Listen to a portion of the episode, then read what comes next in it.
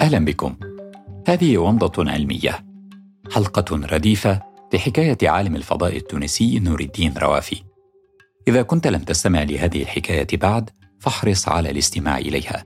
تجدها على جميع منصات البودكاست بعنوان الطريق إلى الشمس. أما في هذه الحلقة القصيرة فنتعرف أكثر على الشمس الموضوع العلمي الأثير لنور الدين روافي. ونسأله أيضا عن ألغاز الكون. مروى وشير أعدت هذه الحلقة وأنا أحمد خير الدين. أهلا بعودتك من الإجازة يا أحمد. أهلا بك مروى. سعيد بالتسجيل معك وكذلك بالتعرف على الأسئلة التي سألتها لدكتور نور الدين والاستماع لتبسيط هذه الإجابات لغير المتخصصين أمثالي. أكيد أكيد. أنا سألت دكتور نور الدين روافي عن الشمس، طبعا كلنا نراها في السماء، لكن هل نعرفها حقا؟ سألته أيضا عن إنجازاته في موضوعي الرياح الشمسية والتعرجات المغناطيسية التي تحيط بالشمس. ولم أنسى طبعا أن أسأله السؤال الدائم والملح هل هناك حياة خارج كوكب الأرض؟ عظيم جدا. لنبدأ بالتعريف بالشمس. الشمس هي العملاق الذي يسيطر على المجموعة الشمسية التي نعيش فيها. لو كانت المجموعة الشمسية بكواكبها وشمسها وأجرامها بوزن عشرة اطنان مثلا هل تعرف أن كل شيء في مجموعتنا هذه غير الشمس لن يتجاوز وزنه كيلوغرامين اثنين من العشرة أطنان الباقي شمس. هذا تشبيه طبعا وكل تشبيه في العلم مخل بدرجة ما. هذا ما يقوله نور الدين. معناه إذا كنت تصفف الأراضي على القطر متاع الشمس يلزمك 109 مرات من, من الأرض باش تعبي القطر متاع الشمس فقط. ويلزمك 1.3 مليون أرض باش تعبي الحجم متاع الشمس. كبيرة كبيرة بصفة مهولة جدا بالمقارنة مع الكواكب اللي اللي موجودة في المجموعة الشمسية. لكن الشمس في حد ذاتها نجم متوسط. ماهوش نجم كبير، أن محظوظين جدا أن الشمس ما هيش نجم كبير. ثم نجوم أخرى في الكون يعني القطر متاعها ينجم يكون يوصل لمارس اللي هي معناها مسافة مهولة جدا. هذا عن الحجم ماذا عن العمر؟ أحيانا ما نسمع أن النجوم ككائنات أخرى تولد وتحيا وتموت. فهل الشمس في خطر هذا صحيح. النجوم تموت عندما يفرغ رصيدها من التفاعلات النووية التي تصنع ضوءها وطاقتها. لكن الدكتور نور الدين قال لي ألا أقلق. إحنا وقت الشمس متاعنا هي حجم الميزان متاعها متوسط المدة متاع المدة اللي تعيشها الشمس مدة طويلة اللي هي تقريبا 10 بليون سنة. والشمس الآن عاشت فيهم نص الفترة هذيك مازال مازال عندنا 5 بليون سنة إلى الأمام مع الشمس. نور الدين وفريقه صنعوا مسبار باركر الذي حلق قريبا جدا من الشمس. ربما يعرف عنها الكثير وأكثر من غيره. فكيف وصفها لك مروة؟ هنا في ضواحي واشنطن هذا الصيف حار جدا. ربما في بعض الدول العربية الصيف أشد حرارة. لكن تخيل معي يا أحمد هذه الأرقام. لما نمشوا لل... للقلب بتاع الشمس اللي هو ال core بتاع الشمس الحرارة فيه توصل 16 مليون درجة. معناه بالحرارة هذيك وبالضغط هذاك البروتو البروتونات معناها تصطدم بعضها وتكون الهيليوم. وهذاك هي الطاقة نتاع الشمس من تجي هي الطاقة نتاع الشمس تجي من مفاعلات نووية. في في القلب نتاع الشمس. لكن لما تبدأ تخرج من الشمس برا الحرارة تنقص ولكن الغريب في أما لما لما توصل السطح نتاع الشمس الحرارة تقريبا 6000 درجة. لكن تطلع مسافة صغيرة تقريبا 2000 3000 كيلومتر والحرارة متاع البلازما توصل أكثر من مليون درجة. وهذا من بين الأسرار الكبيرة اللي تم الاكتشاف متاعها أكثر من 80 سنة اللي فاتت في في أواخر الثلاثينات ولحد الآن ما عندناش لها تفسير كافي.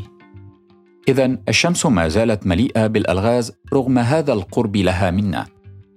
كل النجوم الأخرى تقاس الطريق إليها بالسنوات الضوئية. هي بالفعل مليئة بالألغاز. ينشغل الدكتور نور الدين بلغز الرياح الشمسية. وهي خطيرة على الحياة في الفضاء وعلى الأقمار الصناعية أيضاً.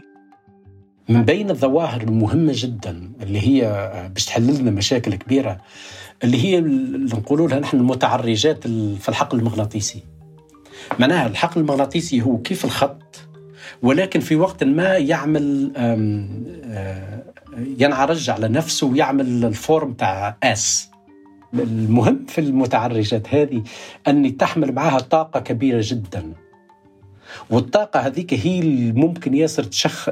تسخن الهالة الشمسية ولكن في نفس الوقت تتسبب بالتسارع نتاع الرياح الشمسية اللي هما زوز مسائل كبيرة Parker Solar Probe يلزم يجاوب عليها.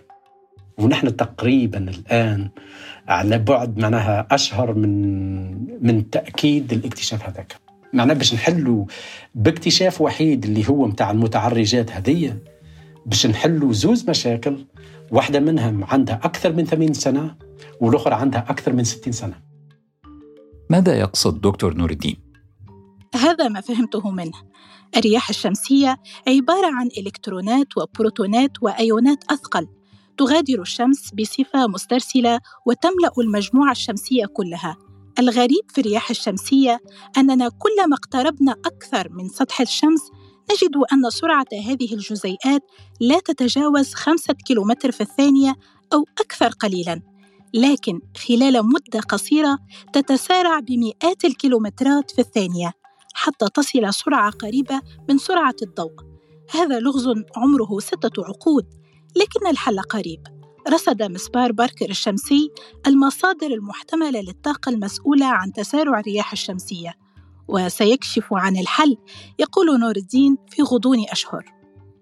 اللي كان يوصلنا في الأرض هو الجزيئات اللي اللي آه تسببها من الانفجارات الكبرى في الشمس. لكن لما قربنا للشمس اكتشفنا أنه حتى الانفجارات الصغرى آه معناها تعطي الجزيئات هذه وهذا باش يحل آه مشاكل أخرى أنه آه كيف التسارع متاع الجزيئات هذه تقريبا من من بضع آه، آلاف الكيلومترات إلى تقريبا سرعة الضوء. وهذيك من من أكثر الإشكاليات أيضا المطروحة. كيفاش تنجم تأخذ particle اللي هي السرعة؟ من جزيء السرعة نتاعو ضعيفة جدا. وكيفاش توصلوا لسرعة الضوء؟ من أكبر الأشياء اللي ماهيش بالسهل بكل باش تحلها.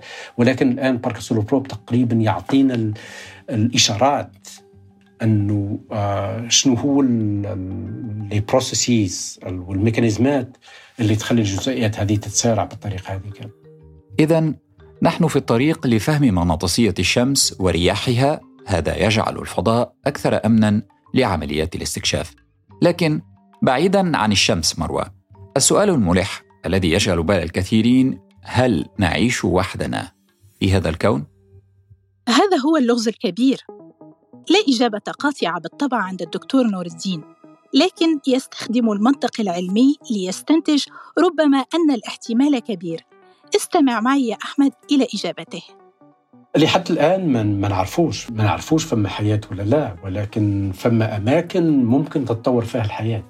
مثلا يوروبا اللي هي من من الأقمار نتاع المشتري جوبيتر انسلادس آه، كيف كيف؟ ممكن ممكن جدا أنه في أماكن كيف كيف هيك تتطور فيها الحياة. ولكن لما تشوف الكون وبالتأكيد شفتي الصور اللي آه، بعثهم آه، تلسكوب جيمس واب الكون شاسع ومعقد بطريقة يعني كبيرة جدا.